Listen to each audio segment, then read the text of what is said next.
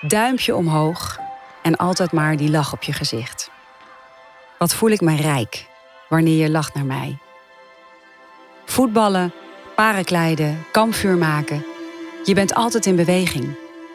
Wat een levenslust heb jij, linkspootje van me. Altijd in actie, ook voor anderen, zelfs als je ziek bent. Want daar lach je dan, zomaar, ineens. Lieve Juri. Ziekenhuis in, ziekenhuis uit, strijdend tegen kanker. Maar blijf vechten, jongen. Hou het doel in het oog. Never give up. Sweet child of mine. En Juri gaf niet op. Nooit verloor hij de moed. Maar de strijd was zelfs voor deze lefgozer niet te winnen. Op 13 maart 2016 overleed hij op 11-jarige leeftijd.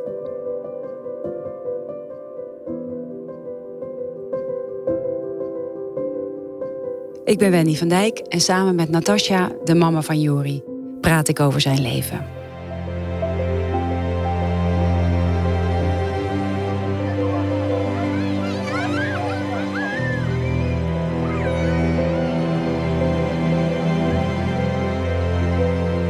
Dit is het levensechte verhaal van Jori. Toch, Natasja? Ja, klopt. Heb ik het goed omschreven? Helemaal. Um, fijn dat je er bent om je verhaal met ons te delen. Ik begon net met het duimpje omhoog. Ja. Was dat zo kenmerkend voor Juri? Ja, dat was heel kenmerkend. Ja, hoe slecht het ook altijd ging, uh, hij hield altijd zijn duimpje omhoog. Het glas was altijd half vol in plaats van half leeg. En deed hij dat dan naar zijn omgeving vooral? Of naar, naar iedereen om te laten zien van... Uh, Wees niet bezorgd, ik ben oké. Ja. ja, de buitenwereld uh, had soms ook niet in de gaten hoe ziek hij eigenlijk was. Uh, gezien hij, hoe hij deed. Thuis was dat natuurlijk wel anders. En liet hij zijn pijn ook zien. Hij kroop over de grond van de pijn.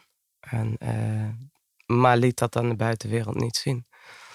Dus voor de buitenwereld was het altijd een lach op zijn gezicht en een duimpje omhoog. Ja. Wat deed dat met jullie? Als jullie dat dan zagen, hoe, want je weet hoeveel, hoeveel pijn die had. Ja, uh, soms was het lastig, omdat mensen inderdaad niet in de gaten hadden hoe ziek hij was. En dat je eigenlijk bijna uit moest leggen dat hij echt wel ziek was. Uh, maar aan de andere kant, het gaf ons ook de kracht om te blijven staan. Want door zijn toedoen, uh, ja, konden wij ook niet opgeven. En moesten we de strijd met hem aan. En, uh, maar hij gaf ons de kracht om dat te doen. Dat zei hij ook tegen ons vijven, we waren met z'n vijven. En dan zei hij ook, we gaan dit als team doen. Dus we werden, ja, we hebben ons omgetoverd tot Team Mom. Hmm. En zo, Jullie achternaam. Ja. Ja. Nou. Hoe oud was hij toen? Toen de tumor ontdekt werd, uh, negen jaar. Dus zo'n ventje van negen zegt gewoon, wij gaan dit met z'n allen doen. Ja. Ja, toen we net uh, het bericht kregen, was natuurlijk iedereen heel erg verdrietig en overstuur. En toen zei hij ook, want er was op de verjaardag van Daisy. Ja. En uh, hij zei, vandaag mogen we even huilen. En daarna, dan gaan we feest vieren en gaan we de strijd aan. Want dat bericht kwam in augustus 2014. Ja, toen kwamen we het ziekenhuis in. En toen werd er botkanker bij hem ontdekt. Ja. Wat kun je vertellen over die heftige periode? Ja, heel veel. En over de ziekte en het ziektebeeld? Er gebeurt natuurlijk heel veel. Uh, net daarvoor waren wij op vakantie in Slovenië. Daar kwamen we al jaren. En uh, hij was altijd heel actief. Dus uh, boomklimmen, raften, zwemmen. En de laatste dagen voordat wij vertrokken begon hij een beetje te klagen van pijn in zijn schouder. Maar ja, zo zei hij dat hij pijn had en zo hing hij weer in een boom. De tweede dag, toen zei ik nog van, moeten we hier misschien naar de arts? Nee, dat hoefde niet. Het ging wel weer. En hij ging weer voetballen en van alles doen.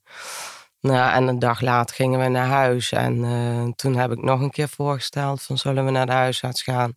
Nee, dat hoefde het niet, want het ging wel. Totdat een dag later hij uh, huilend op de trap zat van de pijn.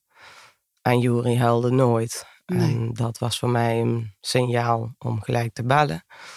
En uh, toen zijn we dezelfde dag nog naar de huisarts gegaan. Ja, en voordat je het weet zit je in het ziekenhuis en uh, röntgenfoto. En toen moest er in één keer met spoed toch wel een MRI-scan gemaakt worden. En, uh, maar ja, hij, hij, hij was nergens bang voor. Maar daar kwamen we toch eigenlijk wel achter dat hij uh, claustrofobisch was. Dus hij durfde die MRI-scan niet in. Maar hij moest er toch doorheen. Dus toen hebben we geprobeerd, uh, ben ik bij hem gaan liggen. Samen erin, maar ook dat ging niet. Toen hebben ze de arts gebeld en uh, moest hij onder narcose erin. Ach. En dat vond ik wel vreemd. Nou. Ik denk, waarom is er zo'n spoed bij? En ze gaven wel aan van, nou, mogelijk is het een ontsteking.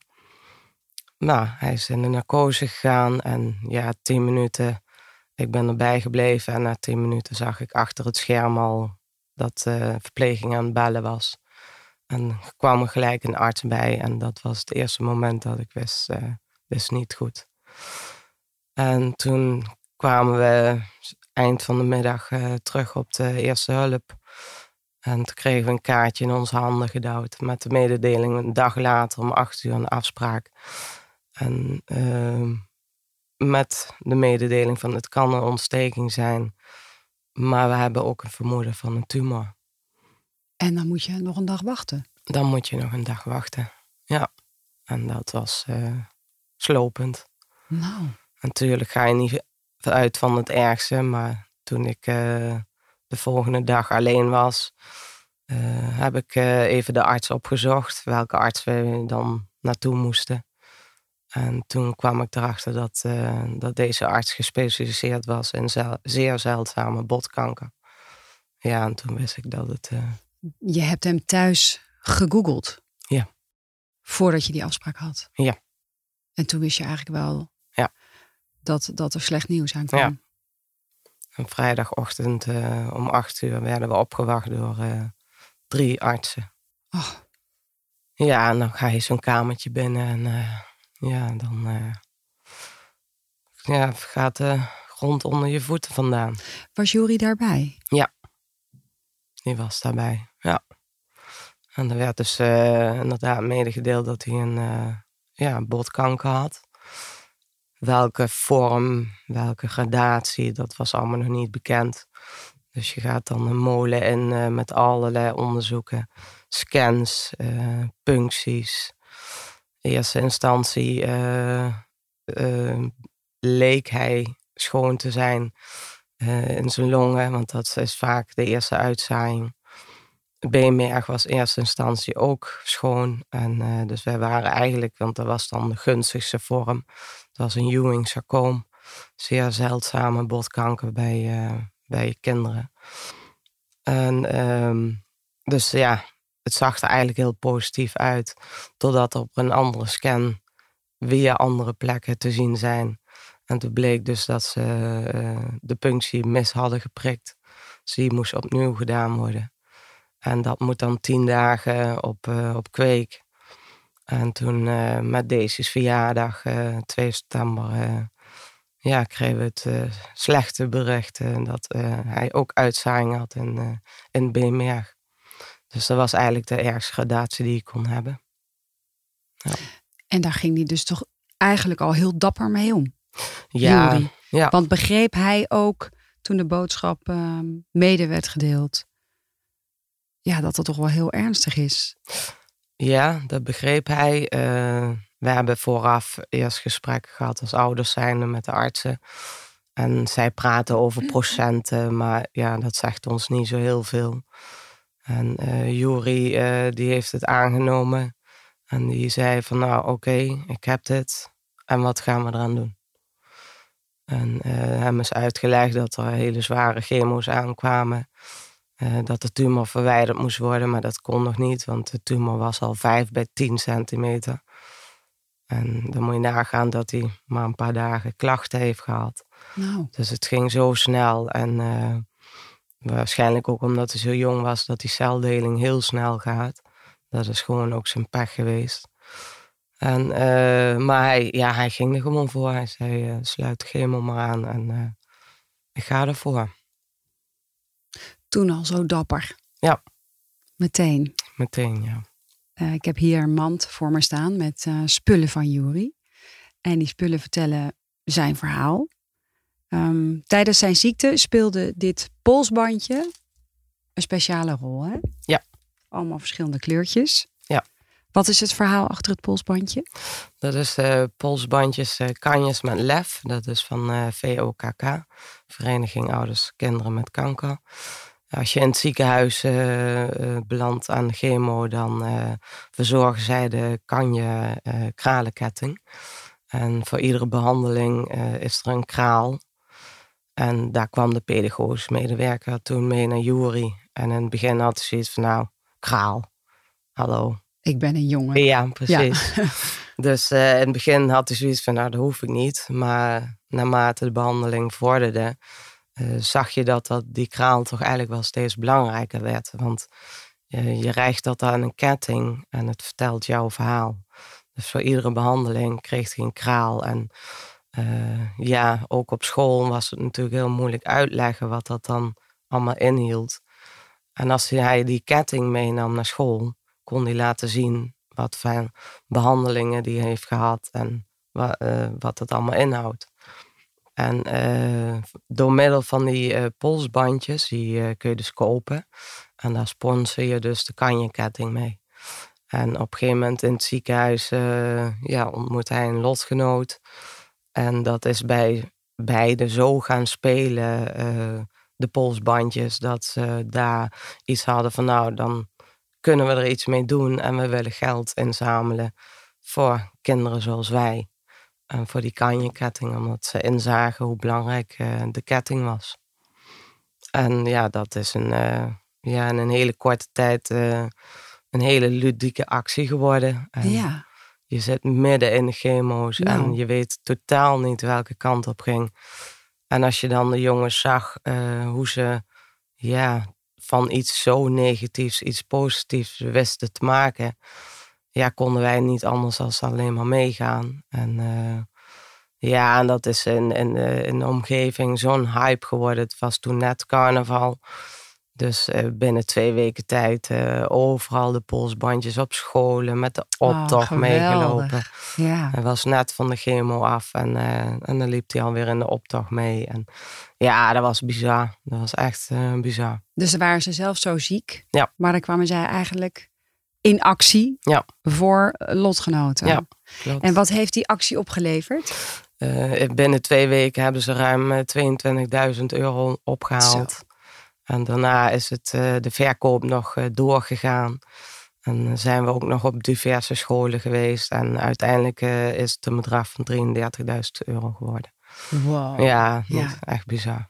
En wat heeft dat voor hem persoonlijk betekend? Um, werd het voor de omgeving of voor zijn vriendjes of klasgenoten duidelijker wat er nou echt met Jury aan de hand was? Ja, door het verhaal en inderdaad door de kralen kan je kettingen te laten zien. En daar, want iedere kraal geeft dan de behandeling aan. En zo kon hij zijn verhaal vertellen. En dat geeft wel, kijk, in het begin is die ketting nog heel kort. Maar naarmate je in het proces gaat, ja, die werd maar langer en langer. En dat uh, was heel indrukwekkend uh, voor de kinderen. Ja. Heeft hij daardoor ook steun ervaren? Ja, zeker wel. Ja, absoluut. Hij had een hele fijne klas. Ook een hele fijne leraar. Dus ja, bij alles wat ze konden doen, uh, ja, hebben ze, hebben ze alle moeite gedaan om het jury zo makkelijk mogelijk te maken. Want jury wilde heel graag naar school. Uh, voor die tijd eigenlijk niet. Vond die school maar saai. En tijdens het ziekteproces uh, merkte je dat daar, want ook daarin was in het ziekenhuis gelijk al wilden ze les invoeren, dat hij niet te ver achter zou komen. En toen hadden we in het begin van, uh, ja, laatste waar we het over, uh, lekker mhm. belangrijk. Maar als je ziet wat het met een ziek kind doet.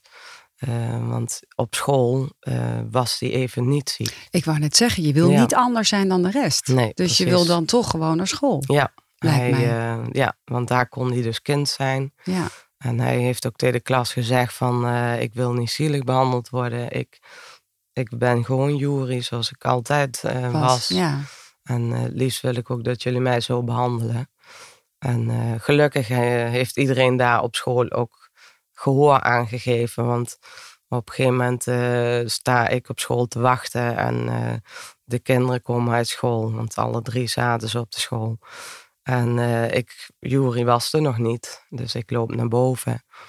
En ik tref hem op de gang aan met een heel big smile op zijn mond. Ik zeg, wat ben je aan het doen? Ik heb straf, zei hij. Oh, Ik zei, ik heb straf. ja. En de juffrouw kwam naar, naar mij toe en die zei, eh, die verontschuldigde zich gelijk van, oh sorry, maar ik moest het doen. En ik zei, nou, je had, je had hem geen grote cadeau kunnen geven, Nee. want dit was voor hem eh, een manier van, nou, ik word hetzelfde behandeld, Ja. want die krijgt straf en ik ook. Dus daar, ja, dat was gewoon uniek. Daar heb ik de juffrouw ook echt voor bedankt. ja. Zei, want dit is precies wat hij nodig heeft. Ja. Ja. ja.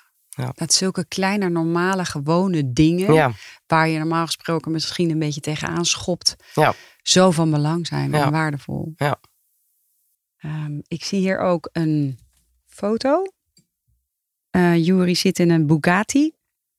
Dit eh, was een Make-A-Wish eh, wensdag. De, hij was opgegeven door een verpleger van de Verkoever eh, afdeling eh, in het ziekenhuis. En eh, ja, toen, toen eh, de tweede keer dat kanker terugkwam eh, en hij ongeneeslijk was, hebben ze een wensdag eh, naar voren gehaald. Zodat hij dat nog enigszins eh, bewust mee kon maken. En eh, ja, hij, had als wens eh, om een eh, Bugatti Veyron eh op het circuit te racen. Dat heeft hij gedaan. Dat heeft hij gedaan. En eh, ja, dat is heel zeldzaam, want er zijn er maar een paar van eh, in Nederland, volgens mij in de wereld. Maar er was toevallig eh, een hele lieve meneer, Peridon, die had zo'n auto. En die had op dat moment ook op televisieopnames in Zandvoort. En hij hoorde het verhaal van Juri en hij wilde hem daar graag in mee betrekken. Dus toen hebben ze dat eh, heel snel geregeld, dat hij daar in die auto kon racen. Bijzonder. Ja, dat was heel bijzonder. En waren jullie daar als gezin bij? Ja. Want, want hij heeft een zusje en een grote broer, Ja. Juri. Ja. En hoe hebben jullie dat als gezin dan ervaren? Ehm, ja, bij al dat soort dingen ehm, keken wij continu naar de kinderen. En eh, voor ons als ouders was het altijd heel moeilijk. Eh, omdat je, je staat daar niet voor niks. Nee. Je beseft heel goed wat zo'n dag inhoudt en wat dat... Kijk, Je wil zo'n dag niet eigenlijk. Nee. kijk eh, je wil eh, een gezond kind. Ja. En niets liever dan dat. Dus hoe mooi de dingen ook waren, was het tegelijkertijd ook heel zwaar. Maar als we dan de lach op eh Juris gezicht zagen en ook op Brian en Daisy, eh, het was toch ook een stukje afleiding in een hele zware tijd.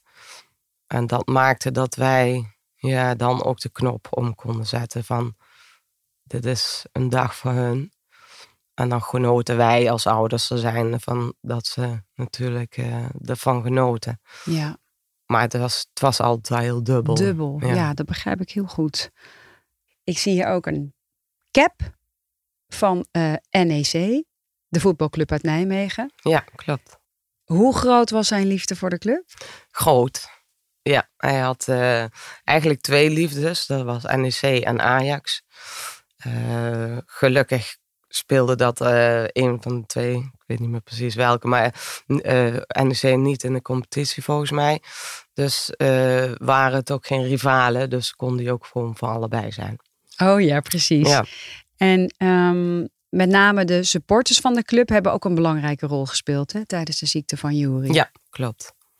Dat was. eh, wij waren maanden al bezig met een verrassingsfeest. Voor als Jury klaar zou zijn met uh, chemobehandelingen. Ehm, en daar hadden wij zijn leraar, die zat bij NEC, bij HKN. En die had geregeld dat, dat zij daar kwamen staan met fakkels voor Jury.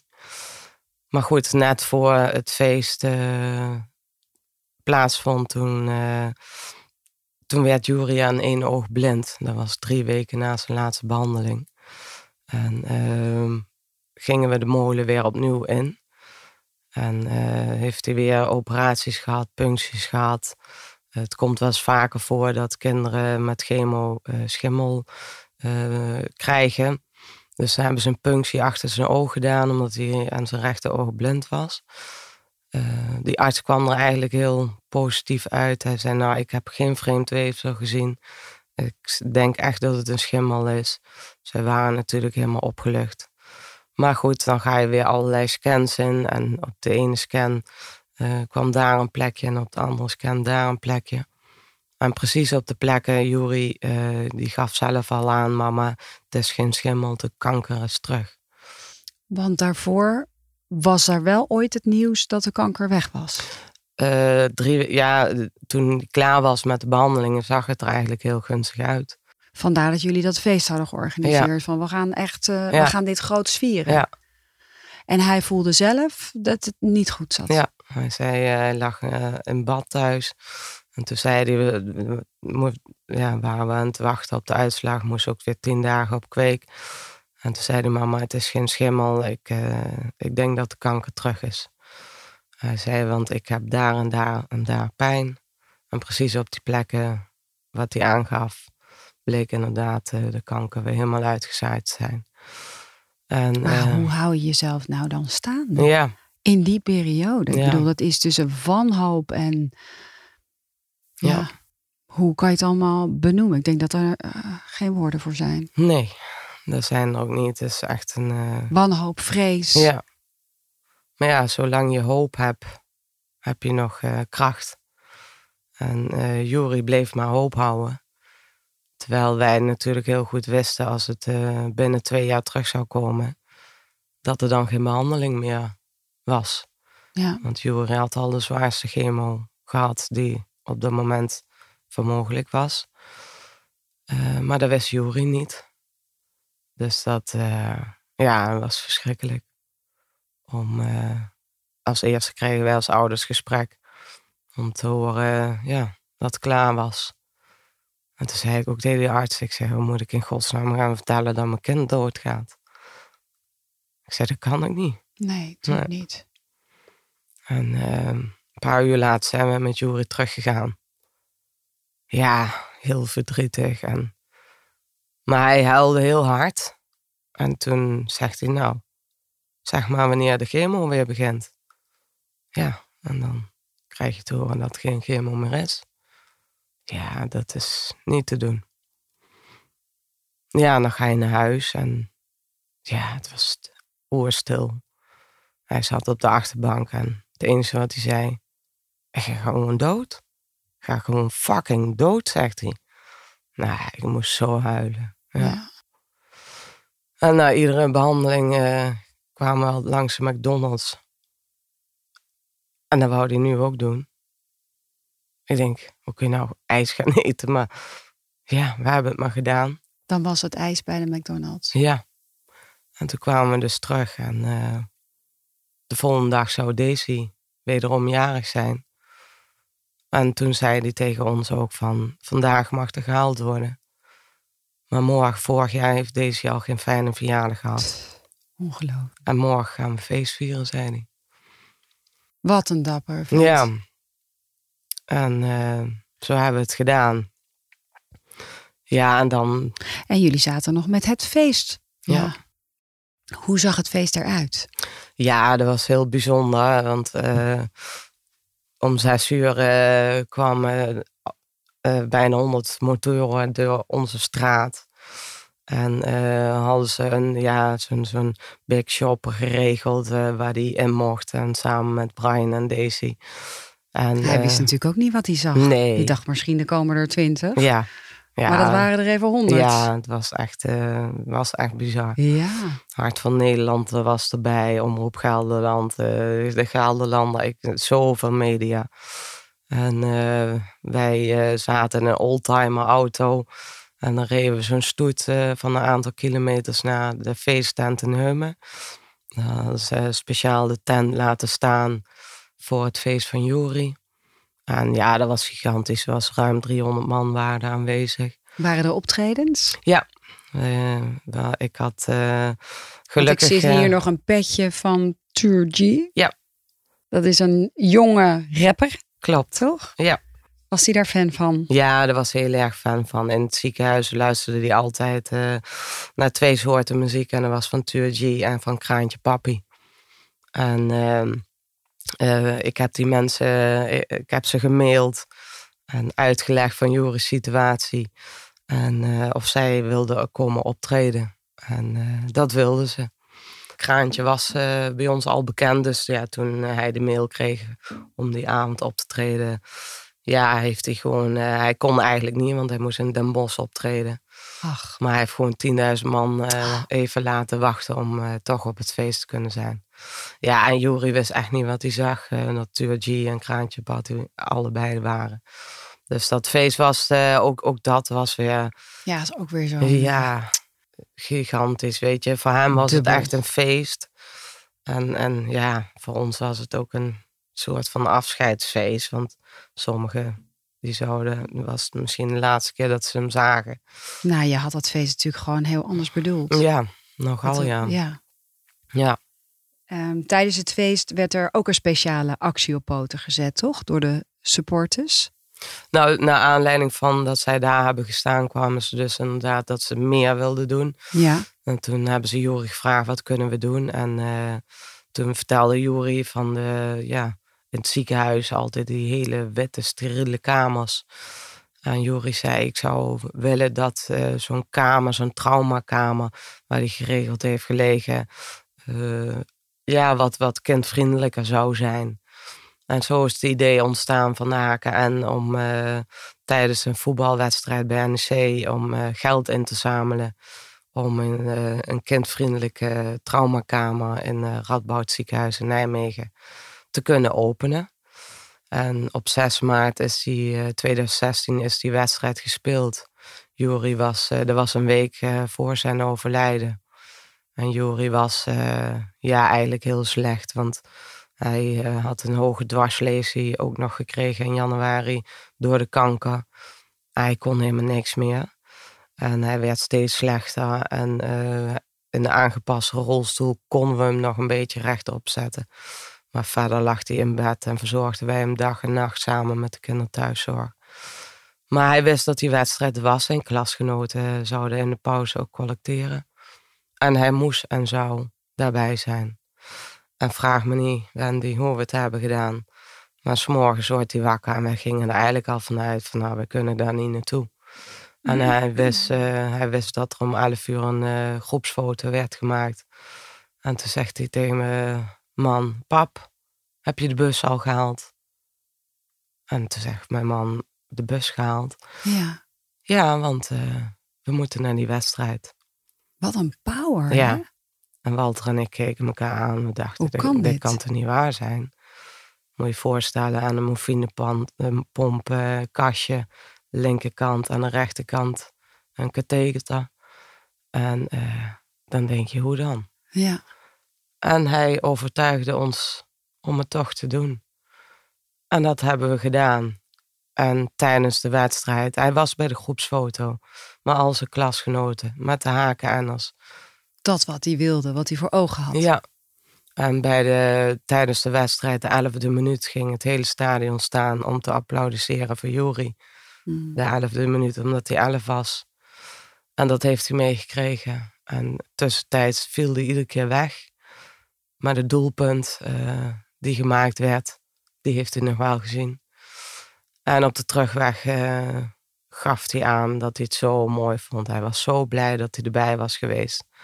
En toen dachten we, ja, weet je, dit, dit is, dit is waar, waarvoor je het doet. Hij heeft toch ook wel, denk ik, meegekregen en gevoeld dat hij is gewoon een nationale held. Ja, nou, zo zag hij dat niet hoor. Nee, verschillende mensen hebben dat inderdaad tegen hem gezegd. Ja. Maar eh, nee, hij, eh, dat idee had hij niet. Nee. Te nuchter voor. Ja, Ja. Jury was echt van, eh, ja, doe maar gewoon, dat doe je al gelijk, gek genoeg. Ja, die stond ook niet zo zeer, zo graag op de voorgrond. Die, eh, nee, Heeft hij nog de nieuwe kamer gezien? nee, helaas niet meer. Dat heeft hij niet meegekregen. Nee, want een week daarna eh, is hij dus overleden. En we hebben tijdens de crematiedienst ook gevraagd om mensen geen bloemen te doen, maar allemaal een donatie voor de actie van HKN. En dat is allemaal bij elkaar eh, gebracht. En in april is eh, er is ruim, eh, uiteindelijk ruim 15.000 euro opgehaald. En in april is de kamer geopend in het Radboud ziekenhuis. Uit naam van Jury. Eh, zijn naam hangt ook aan de muur. En is toen geopend door HKN en Jasper Sellissen. En wij eh, vertegenwoordigden de Jury. En Ja. Dat, ja, dat was heel emotioneel. Met het gezin. Met het Ja, gezin, ja. ja, zeker. Ja, natuurlijk is dat eh, emotioneel. En dan begint die ongelofelijke moeilijke periode in jullie leven. Die was natuurlijk al gewoon heel moeilijk. Ja, Maar dan is daar natuurlijk die grote leegte. enorm leeg. Ja, Want ja, zoals je Jury omschrijft, het was natuurlijk zo'n powerman dat was met zoveel energie en ook zoveel positieve energie. Ja. Dus dat laat een nog groter gat achter, kan ik me Ja. zo voorstellen. Ja, klopt. Hoe zou je die eerste periode willen omschrijven? Ja, de eerste periode eh, achteraf, eh, ja, weet je niet eens eens, eh, hoe je geleefd hebt. Kijk, na het overlijden, dan eh, kom je thuis en van intensief behandelingen en iedere dag kinderthuiszorg, huisarts en fysio over de vloer. Na helemaal niks. Het be- ziekenhuisbed werd opgehaald, alles werd teruggebracht zoals het was. Maar het was niet meer hetzelfde. Jullie hielden je ook vast aan het levensmotto van Jury. hè? Ja. Never give up. Ja. Zei hij dat dan vaak? Hij, eh, dat zei hij, dat is zijn levensmotto. En eh, hij heeft daar ook een tatoeage van genomen. Eh, hij wilde graag, als hij 16 was, een tatoeage nemen. Maar ja, dat werd hij natuurlijk niet. Dus toen hebben wij gezegd, Juri, als je dat echt graag wil, dan gaan we dat doen. En dat vond hij natuurlijk heel spannend. Want hij zei, Ja. ja, ik ben 11 en is dat niet raar? Ik zei, ja, Juri, wat is raar? Ja. Het is ook raar dat je geen 16 gaat worden. Dus Ja. ik zeg, als jij dat wil, ik zeg wat en ieder ook daarvan vindt. En dat was wel eens vaker zo, hè. Dat, eh, dat hij bepaalde dingen deed of wilde. Wij lieten hem altijd leiden en wij volgden hem. En de omgeving begreep dat niet, eh, soms niet. Zo van, ja, maar het is wel veel en is dat wel medisch verantwoord. En, maar ik kan je vertellen, in zo'n situatie, eh, wij hebben puur naar Jury geluisterd. Ja. En alles wat hij wilde eh, doen, dat hebben wij gedaan. En tot op de dag van vandaag hebben wij daar absoluut geen spijt van. Helemaal niet. Nee, dat snap ik ook. Ja. Ik bedoel, je, je volgt je onderbuikgevoel Ja. en je moederinstinct. En, en jullie kennen je kind beter dan wie dan ook. Ja. Dus dat heeft waarschijnlijk ook gewoon goed uitgepakt. Ja. En jullie hebben zelf ook de tatoeage. ja ik heb eh, ook eh, een Never Give Up op mijn arm staan met Juris naam en de sterfdatum. Zit ook zijn as in verwerkt. Mooi. Ja, en toen Brian eh 16 werd, heeft hij ook eh, de Never Give Up, eh, hetzelfde logo als eh eh, op zijn arm getatoeëerd.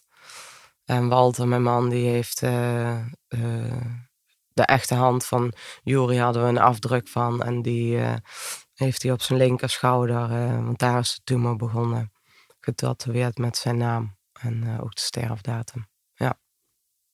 Ja, dat wil je dan. Hè? Ja. Gewoon in je lijf gegrift. Ja, In de periode van het ziek zijn en ook na het overlijden van Juri heb je veel belangrijke momenten vastgelegd hè, op video en film. Eh, en ziekenhuisrapporten bewaard. Dat alles heeft geleid tot je eigen boek, dat ik hier uit de mand haal. Daar lach je dan. Ja, klopt. Dit is het uh, boek uh, van Jori. Gaat over Jori. En inderdaad, daar lach je dan. En dat is dubbel met lach. Met L-A-G. Lach. L-A-C-H. Omdat we Jori inderdaad niet alleen als ziek willen laten herinneren. Maar zeker als de jongen met zijn lach op het gezicht. Uh, toen we het derde jaar ingingen toen kwam pas eigenlijk langzaamaan het besef binnen dat Juri echt niet meer terugkwam. Ja. En uh, ik gebruikte Facebook heel erg veel om, om mijn gevoel en om Juri's naam voor te laten bestaan. Want die drive heb ik vanaf dag één heel erg gehad. Juri mag niet vergeten worden. Dat verdient hij niet. En, uh, dus ik doe er alles aan om zijn naam voor te laten bestaan.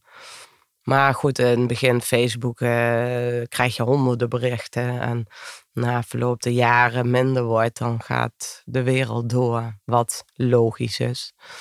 Maar voor mij heel pijnlijk, voor mhm, ons. Ja. En als je dan steeds minder reacties erop ziet, uh, ik vond dat heel moeilijk te handelen. Ik merkte ook dat rouw uh, heel ja, toch wel een taboe is om daarover te praten, omdat mensen niet weten wat ze moeten zeggen. Ja, hè? Maar je hoeft niet zoveel te zeggen. Uh, een schouderklopje of een, uh, even zeggen van goh, fijn dat ik je zie. Of wat kan ik doen om jou de dag door te laten komen. Vraag aan de persoon, wat heb je nodig? Meer is er niet nodig. Je, niemand kan ons verdriet voelen. Ja, de mensen die het zelf hebben meegemaakt. Ja. Maar dat verwachten wij ook niet van de ander. Want wat is het ergste daaraan? Nou, rouw is uh, een heel eenzaam proces. Uh, dus ik, ik heb heel erg, uh, ik leef in twee werelden. In de ene wereld doe ik wat er van me verwacht wordt. En de andere wereld is de rouw. En dat is heel eenzaam. Maar ik zie het ook altijd als rouw is de omgekeerde van de liefde voor je kind. En de liefde voor je kind is oneindig. Dus het verdriet ook. En, maar ik, ik wil het bespreekbaar maken. Dat, kijk, het is heel moeilijk. Als je, het is sowieso wel moeilijk om terug te komen in de maatschappij. Maar als er dan stiltes vallen. Of, en ik snap dat het lastig is voor een ander. Want wij zijn niet meer de mensen die we waren. Zullen we ook niet meer worden. Dus eh, kijk, als je je kind verliest, dan uh, gaat er een stuk van jezelf dood. Hebben jullie daaromheen ook veel vrienden of familieleden verloren? Ja, helaas In het proces? Ja. Het blijft, net wat je zegt, hè, het is belangrijk om rouw te benoemen en om erover te praten. En, want ik kan me voorstellen, er is niets ergers dan het ontkennen ja. daarvan. Ja. Ja, en ik, snap ook dat het lastig is hoor. Want uh, weet je, uh, als je. Ik ben mijn vader ook best op een jonge leeftijd uh, verloren. Die was net 65. En dan ga je fases in, zoals ze dat zo mooi noemen bij rouwproces. En op een gegeven moment kun je dat een plekje geven. Ik heb een hekel aan woord plekje, want een tafel geef je een plek. Ja. Maar dat kun je plaatsen. En, en die mis ik nog steeds, maar dat kun je wel plaatsen. Maar op het moment dat het om je eigen kind gaat, dan gaan al die processen als vloedgolven door elkaar heen, kriskras door elkaar heen en op en neer en jaar in jaar uit. En dat blijft zo. En het, uh, het verdriet wordt niet minder, het wordt anders. Jij uh, wordt anders. Dus het, mm verdriet, het grote verdriet blijft, maar jij daaromheen gaat er groeien. En, uh, en zoekt een manier om daarmee te dealen. En uh, voor mij was eerst Facebook een houvast, zeg maar, om, om Juri's naam voor te laten bestaan. Toen dat dus minder werd, toen ik had heel veel updates geschreven, want onze groep was heel groot. En ik merkte gewoon dat de kinderen, als wij thuis waren, dan belde iedereen, kwam iedereen. En heel lief natuurlijk, maar de kinderen kregen daar heel veel last van. Dus toen hebben we een besloten e-mailgroep gemaakt. En iedere week mailde ik dan de mensen die ons dichtbij stonden uh, met het, hoe we stonden, wat er aan de hand was, uh, welke operatie, welke chemo, hoe het met Jury ging. En zo maakte ik iedere, iedere week een update. Ja. En dan had iedereen het verhaal uit de eerste hand. Nou, dat heeft geresulteerd in 107 updates. Daarnaast had ik het uh, kinder uh, thuiszorgdossier. En het Radboud dossier heb ik toen opgevraagd. En uh, toen eh, is het idee ontstaan om, om, eh, om daar een boek van te maken. Maar ik denk, ja, hoe moet ik beginnen? Want ik zie door het bomen bos niet. Ik heb zoveel tekst liggen, alleen ik heb geen idee. Dus toen zijn we op zoek gegaan naar eh, ja, een professional die mij daarbij zou helpen. Dus ik heb een uitgever gevonden. Maar ik wilde ook wel iemand hebben die dus niet mijn tekst aan zou passen. Dus het moest wel mijn verhaal blijven. Ja.